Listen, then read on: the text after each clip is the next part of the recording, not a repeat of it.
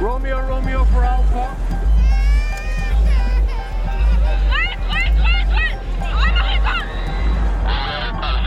Uppdrag rädda liv. En podd från Läkare utan gränser. Den 12 januari 2010 så drabbades Haiti av en jordbävning. Hundratusentals människor dog, miljoner förlorade sina hem och 60 procent av Haitis sjukvårdssystem förstördes. Läkare utan gränser inledde då en av sina största akutinsatser någonsin. Jag heter Katinka och arbetar på Läkare utan gränsers kontor i Stockholm. Och I det här avsnittet så ska vi ta och resa tillbaka nästan exakt tio år i tiden. För bara några dagar efter det här förödande skalvet i Haiti sätter sig psykologen Monica Kullberg på ett plan på väg från Stockholm för att arbeta med att ta hand om de psykiska såren hos de drabbade. Och idag så är hon här. Välkommen hit! Tack så mycket. Men först, du är ju psykolog. Hur kommer det sig att du började arbeta för Läkare utan gränser? Det handlar mycket om att man vill göra skillnad i världen på något sätt. Eh, att man ser att ja, jag har en viktig roll här hemma. Men jag har en ännu viktigare roll där ute. Därför att människor uh, har en total brist på vård och omsorg när det gäller mental hälsa. Så det var där jag kände mig nyttigast. Du har gjort totalt tre uppdrag för Läkare utan gränser. Och om vi backar bandet till oktober 2009 så hade du precis kommit hem från ditt första uppdrag i just Haiti. Men så tre månader senare så inträffar den här jordbävningen. Minns du vad du tänkte när du hörde talas om den? Jag tror att jag, alltså det jag minns är att jag står i mitt kök och jag hörde på radion. Och det första jag tänker är bara, åh nej. Jag måste dit. Eh, så en av de första sakerna jag gjorde, det var att ringa kontoret. Eh, för att höra. Uh, vad händer? Vem åker? Uh, vad är det som behövs? Men efter den här första timmarna, dagarna hade lagt sig, kändes det helt självklart att åka tillbaka? Absolut. Det var helt självklart. Och hur förberedde du dig? Fanns det något speciellt sätt som du förberedde dig? Jag vet att jag ringde en kollega uh, som har jobbat i liknande omständigheter. Bara så här, ja men dra en kort briefing. Eh, och det gjorde hon. Um, men sen handlar det ganska mycket om att uh, egentligen förbereda sig själv, tänka igenom. Uh, jag, kan, alltså jag har ju jobbat där förut så jag vet en hel del om förutsättningarna och börja skissa för sig själv. Över, okej, okay, vad blir mest prioriterat? Uh, vad behöver vi göra då? Så. Men vad visste du egentligen om jordbävningar och om de fysiska skadorna som är till exempel ganska specifika efter en jordbävning? Um, vi har ju gjort interventioner på Läkare utan gränser i, i jordbävningar i ganska många år. Uh, så den, uh, den var jag ganska uppdaterad på. Och sen får man ju läsa på uh, så att säga utöver det. Då. Men. Och vad visste du om hur vår personal på plats mådde som du hade jobbat med när du var där tidigare? Ja, det var ju en av mina orosmoln som jag bar med mig under alltså flera dagar. Med tanke på att det är så pass kaotiskt läge på Haiti så var det också svårt att veta ja, men vem har klarat sig. Det var svårt att kommunicera. Jag försökte få kontakt med, med, med mitt team som jag hade jobbat med tidigare. Och jag fick inte tag på dem. Och man undrar hur, ja, men hur går det för dem? Har de klarat sig? Har det gått med deras familjer? Och eh, en av mina teammedlemmar eh, hade också eh, vårt bostadshus hade rasat. Eh, så eh, det fick vi besked om ganska så snart. Att eh, hon låg. Vi visste bara att hon var under rasmassorna. Och vi visste inte om hon hade klarat sig. Eh, och det tog, det tog ett ganska bra tag innan vi fick en, en signal på att eh, hon hade legat under rasmassorna i 18 timmar. Eh, och vår nationella personal hade grävt fram henne eh, och eh, hon hade klarat sig med ett par skrapsår. Vilket är ja, närmast ett mirakel. Så, men det var en väldigt stor lättnad att veta att hon har klarat sig. Och sen också när jag fick besked på att mitt team som jag jobbat med där nere, att de har klarat sig. Så, och deras familjer hade gjort också. Så. Och när du sen kom fram till huvudstaden Port-au-Prince, vad var det som mötte dig? Det som framförallt slog mig var den enorma skillnaden från hur det var när jag Alltså mitt minne av Haiti, mitt minne av Port-au-Prince är en, eh, en, en otroligt livfull, färgstark, eh, stökig stad. Det är, det är musik, det är bussar, det är folk, det är gatuförsäljare, det är färger. Det är, liksom, eh, det är en otrolig puls. Och när, jag, när vi kör in i Port-au-Prince så är det tyst. Eh, och jag tror aldrig jag upplevt Port-au-Prince så tyst. Eh, och dammet har också lagt sig. I, I och med alla återskalver så lägger sig damm över hela stan. Vilket gör att också de här starka färgerna har också mattats av. Så mitt, mitt minnesintryck är att det, att det är grått, att det är tyst. Det är alldeles för lite folk på gatorna. Uh, och många av man tänker mina riktmärken över hur jag navigerar i stan, mm, de, de finns inte längre. Så jag tänker, men, kör vi fel väg eller men där ska vara ett, det ska vara ett sjukhus där som vi brukar remittera patienter till till exempel. Där, men det var bara en, en grushög. Så, så, så det var en enorm skillnad. Som en spökstad. Och vilka behov fanns hos människorna? Ja, egentligen samtliga behov kan man väl säga. Eh, Haiti hade ju problem redan innan med vatten och sanitet. Eh, vilket ju förvärras enormt utav jordbävningen. Eh, så, så vatten, sanitet, mat. men också att vi hade så en, enorma mängder med skadade människor som har skadat sig då av men, hus och saker som har fallit ner över dem. Alltså det, det jag minns starkast är ju många utav, många utav de patienter som jag mötte. Uh, och upplevelsen av att, av att jobba tillsammans med dem. Um, jag minns en liten, uh, uh, en liten pojke som hade blivit skadad i jordbävningen. Som var på, på ett av våra sjukhus med sin pappa. Um, och hans pappa var så, var så fin med honom. Um, han satt, för jag pratade med honom, han var rätt så desperat. Men vad ska jag göra? Vad ska jag göra? Uh, och jag sa, men fortsätt att prata med honom. Gör det du gjorde innan. Um, ett av mina bästa minnen från Haiti, det är när uh, det hade gått någon vecka kanske. Och jag, jag går dit och ser hur de har det. Och jag ser att hans, hans pappa sitter med en av de här leksakerna som vi har, har gett dem. Uh, Uh, och, och pojken är, han är vaken. Han uh, de leker tillsammans. Uh, de försöker räkna klockorna på den, här, på den här leksaken. Och jag kan se att men, de pratar med varandra. Um, och, och liksom glädjen i, i, hans pappas ögon över att så, nej, men, jag kan prata med min son igen. Han, han, han blir bättre. det är ett av, ett av de bilderna som, som lyser starkast när jag tänker tillbaka på Haiti. Och de minnena tänker jag måste vara så otroligt viktiga i allt det här. Ja.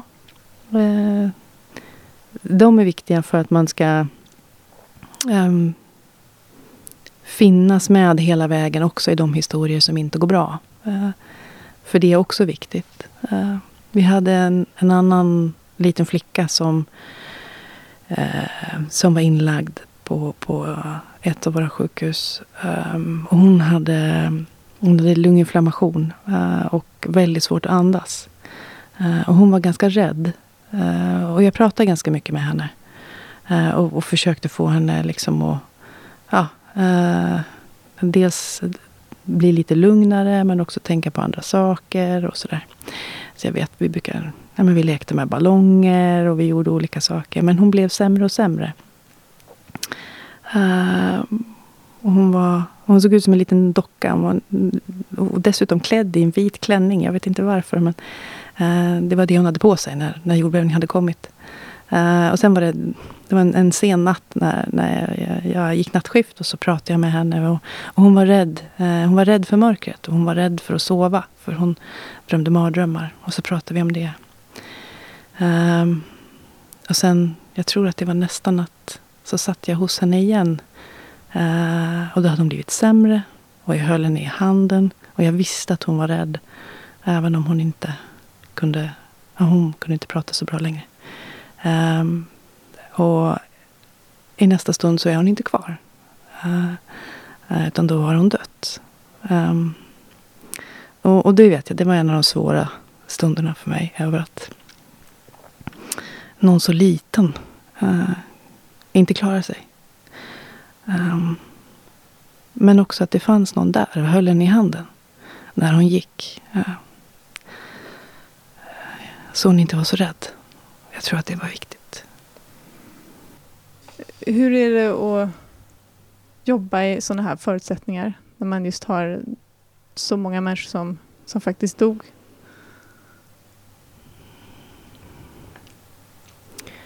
Um, för min del så handlar det mycket om att uh, fokusera på min uppgift. Uh, och den blir uh, så oerhört tydlig med tanke på att det är så pass mycket kaos och så pass mycket behov. Uh, så jag blir oerhört strukturerad i, i, och målinriktad i sådana situationer över att vi, vi måste skapa en ordning, vi måste få till en fungerande sjukvård i, i, i det här kaoset. vilket gör att jag, men, ja, jag blir väldigt fokuserad på vad jag ska göra helt enkelt. Ehm, men sen kommer alltid de här stunderna eh, ofta med barn eh, eller extra sårbara patienter. Eller eh, när man har kommit hem efter en lång dag eh, och är helt slut eh, och, och, bilderna börjar snurra i huvudet över vad man har sett för någonting. Ehm, och då kommer reaktionen. Den här när man, man känner igen någon som, ja, men som liknar någon som man känner. Eller det här med att det, liksom, det kommer igenom eh, den här strukturerade approachen eh, och, och går rakt in i hjärtat. Och då, eh, och då reagerar man. Eh, så är det. Och jag tänker att det måste få vara så. Du åkte ju dit och jobbade som just psykolog. Vilka psykologiska behov fanns det hos människorna? Uh, initialt under den första fasen så Eh, var vårt fokus på att hjälpa den medicinska personalen att eh, rädda liv och rädda lemmar. Eh, och det handlar helt enkelt om att, att uh, många svårt skadade under så svåra förutsättningar gör att man, man får stora risker för kallbrand. Uh, man måste ofta uh, opereras, rensa sår. och det fanns en väldig rädsla för att bli förflyttad. Och vi hade våra operationsmöjligheter som gjorde att vi var tvungna att förflytta patienter. Varför var, var folk rädda för att bli förflyttade? Eh, därför att på Haiti så är det ingen självklarhet att man får hjälp. Eh, man betalar sig in på sjukhus. Eh, och är man fattig så kan man när som helst bli stoppad.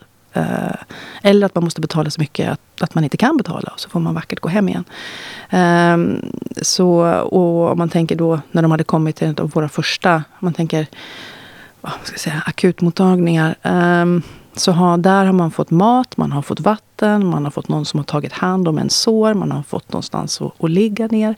Uh, man, har, man har fått omsorg helt enkelt. Uh, och då är det absolut inte självklart att jag tänker lämna det här stället för att åka i en ambulans någonstans där jag inte vet om de kommer ta emot mig.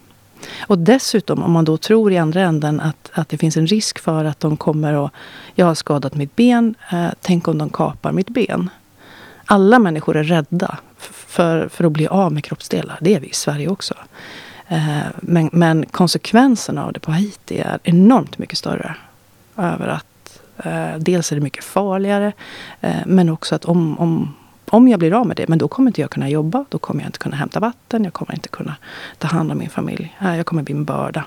Jag kommer få ett oerhört svårt liv. Eh, så vårt jobb i början handlade mycket om att stötta prata med patienter, prata med anhöriga inför att vi skulle göra förflyttningar. För att man inte skulle vägra operation eller förflyttning.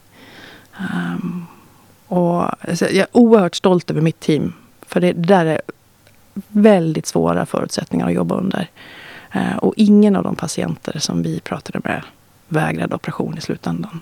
Vilket gjorde att att alltså mitt gäng faktiskt bidrog till att, att rädda livet uh, på de människorna. Och när du säger mitt gäng så pratar du om dina lokalanställda mm. kollegor? Mm. Mm. Ja, för den största delen som arbetar för Läkare utan gränser ute i fält är ju faktiskt de lokalanställda som du berättade om också. Och i den här jordbävningen så förlorade Läkare utan gränser 12 anställda den dagen. Och två av de tre sjukhus som vi stöttade fick stora skador. Så en här, sån här katastrof skedde ju på vår personals hemmaplan. Hur är det att stötta de lokala kollegorna i sådana här situationer? Jag hade med mig en psykologkollega när vi åkte ut. Eh, och vi delade upp arbetet så att hennes ansvar var att ta hand om de värst drabbade i vår personal. Och mitt ansvar var att ta hand om patientsidan. Eh, och det gjorde att vi, vi gjorde ju stödinsatser för vår egen personal. De som har förlorat nära och kära. Eh, helt enkelt för att stötta dem för, för, för att orka och för att klara av det. Ehm, men det handlar ju också om bara vardagen. Eh, mitt, mitt team, deras jobb är ju att gå ut och prata med människor och lyssna till berättelser om att eh, hus som rasar, eh, barn som ligger under rasmassorna, att förlora dem man älskar, att vara orolig för dem som man inte vet hur det har gått för. Eh, och det är ju precis det de själva har upplevt. De har själva varit med om jordbävningen. De har själva förlorat nära och kära. De är själva oroliga för sin familj och för sina vänner. Eh, och, och, det jag ber dem om att göra, det, det, är att lyssna på det här om och om igen. Eh, och kunna ge ett stöd i det. Så, så, för min del så handlar jobbet om, som, som chef i det läget, mycket om att både att hjälpa dem att, eh, att, få en struktur på arbetet, att veta hur de ska göra. Eh, att få feedback på att det här gör du som är bra. Eh, det här behöver du utveckla. Men den andra delen handlar ju om att, att möta dem som människor. Att kunna se dem in i ögonen och, och fråga men, men hur mår du? Hur, hur har det gått med din familj? Vet du vad som hände med din syster? För jag tror inte så många tänker på att i ett sånt där akut skede att man då skickar in ett gäng psykologer när man tänker att det som behövs är vi kanske någon som just eh, plåstrar om, såromläggning. Men hur viktig är den komponenten, skulle du säga, i ett sånt här akut skede i början, första tiden? Jag skulle vilja säga att den är väldigt viktig. Eh, dels, eh, en del i det handlar om att vår medicinska personal har så ohyggligt mycket att göra. Så de hinner inte prata särskilt mycket med patienter. Om man har en patient som är rädd, som är orolig, som inte vill få sin behandling, vilket inte alls är ovanligt. Eh, då, då hinner man inte, men då, men då kliver vi in. Eh, och, och, kan hjälpa till, vi kan lugna, vi kan förklara. Eh, vi jobbar mycket med eh, information. Eh, det var många som inte visste vad en jordbävning var. Och det gick väldigt mycket rykten. Eh, man trodde Haiti är ett väldigt eh, religiöst eh, land. Det var många som... Ryktena gick att men det är Gud som straffar Haiti. Det kommer komma en ny jordbävning. En större jordbävning. Och vi kommer alla dö. Och har man, har man varit med om en jordbävning då ökar plötsligt sannolikheten för att det kommer en till. Särskilt som efterskalven kommer hela tiden och skrämmer livet ur alla. Och om man då tror att, att uh, slutet är nära, ja, men då kommer man heller inte försöka bygga upp sitt liv igen på samma sätt. Man återhämtar sig inte på samma vis. Så det handlar mycket om att förklara, vad är en jordbävning? Många var rädda för sina reaktioner. Det här med att man får en déjà vu eller att man återupplever saker. Man tror att man håller på att bli galen. Uh, att förklara att det där är fullt normalt. Och det kommer att lägga sig. Många var oroliga för sina barn därför att barnen reagerade. Att förklara men hur kan, man, hur kan man vara en så bra förälder som möjligt under sådana här förutsättningar. Och samtidigt mitt i det här så är ju du där också och upplever, jag läste någonstans att det noterats runt 14 efterskalv. Var du någonsin rädd? Jag tror inte, man hinner inte riktigt bli rädd. Uh, efterskalven kommer så plötsligt. Uh, och jag minns ett som var när vi, men jag låg och sov och så vaknar man av att hela huset skakar. Och man rycker sin eh, evac-bag, sin evakueringsväska, och så kutar man ut och sen så står man där ute och så ah, det slutar skaka, huset står kvar. Och sen bara, ah, har vi grönt ljus på att gå in? Ja, det har vi. In, sov. Uh, så man är så cool i den situationen, eller?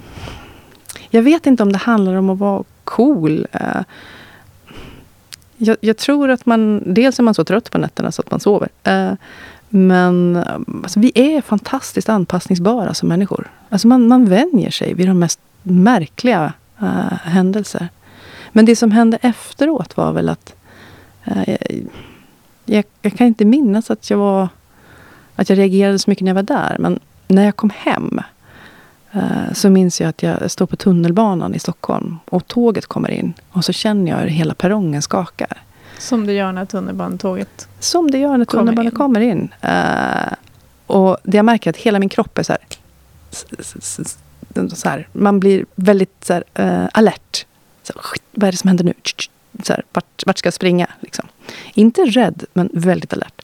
Uh, och den reaktionen hade jag kvar ett bra tag efter Haiti. Jag sa inledningsvis att det här var en av Läkare utan gränsers största akutinsatser någonsin. Jag ska läsa upp lite siffror så får man liksom känslan av just hur stort det här var.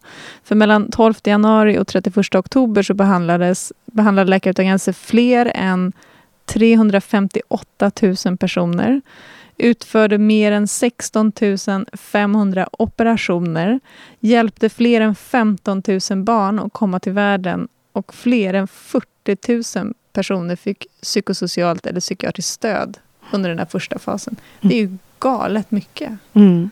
Mm. Man jobbar galet mycket. Men, eh, nej, men min, min bild var att det bara ständigt kom mer och mer människor. Eh, det blev bara fler och fler madrasser på golvet i huset där vi bodde. Eh, och, och, för mig var det en fantastisk känsla också att se att men vi startar upp sjukhus efter sjukhus. Eh, och vi ser att, att vi, kan, eh, vi kan möta behoven mer och mer. Eh, och det, var, det, det, det, tänker jag är lite magiskt. Också när man står mitt i det här ja, eh, men ganska svåra med, med många skadade, många döda, många byggnader som har rasat. Liksom, eh, eh, katastrofen är så mycket så att säga, i ens ansikte hela tiden. Um, att också då se att nej men, det goda som finns i världen, det kommer hjälp. Uh, och vi kan göra otroligt mycket på kort tid. Situationen i Haiti har ju knappast blivit bättre tyvärr nu tio år senare utan vi har ju rapporter om att eh, sjukvårdssystemet inte fungerar, om kriminalitet, och så vidare. Jag vet att Läkare utan gränser släppte nyligen en rapport där vi berättar just där. Hur känns det att höra det? Mm, jag tänker att det, det finns ju någonting väldigt sorgligt över det. Efter jordbävningen så var det väldigt många länder och eh, kända människor som klev fram och sa vi ska, jag tror att Clinton sa, vi ska bygga tillbaka Haiti bättre än det var innan. Och, um, och mycket av det där händer ju inte. Uh, och, det gör ju någonting med människors förtroende och tillit till, ja, men till samhället och till, till resten av världen och till den hjälp som har utlovats. Uh, så, så det, gör, det gör en ju ganska nedslagen. Du var kvar i sex veckor ungefär. Mm. Innan du åkte hem till Sverige igen. Hur kändes det att lämna? För den akuta fasen var väl inte riktigt över, misstänker jag? Det var så oerhört mycket mer välfungerande när jag lämnade. Eh, så jag tror faktiskt att det var helt rätt att jag lämnade då. Ehm, för jag var så färgad av den första fasen när allting var eh, mer, mer kaotiskt och, och, och, väldigt svårt till att jag bara, nej men titta nu har vi sjukhusen står upp, det funkar. Uh, att uh, jag tror inte att jag fullt ut insåg hur trött jag var. Uh, och jag tror, att det var, jag tror det var helt rätt att jag åkte hem då. Du sov på planet hem misstänker jag? jag sov väldigt gott på planet hem. Uh, det gjorde jag. Har du någon kontakt med de lokalanställda som du jobbade med då? Mm, idag? det har jag. Jag har kontakt med, uh, med ett par utav mina psykologer som jag jobbar med där. Mina kollegor. en av dem jobbar fortfarande för oss. Uh, och en av dem har, har gått vidare och jobbar mer med, med forskning och andra saker utomlands. Är du sugen på att åka tillbaka någon gång? Ja, jag är sugen på att åka tillbaka. Alltså, Haiti har ett ganska det har ett speciellt ställe i mitt hjärta. Uh, det var min första mission.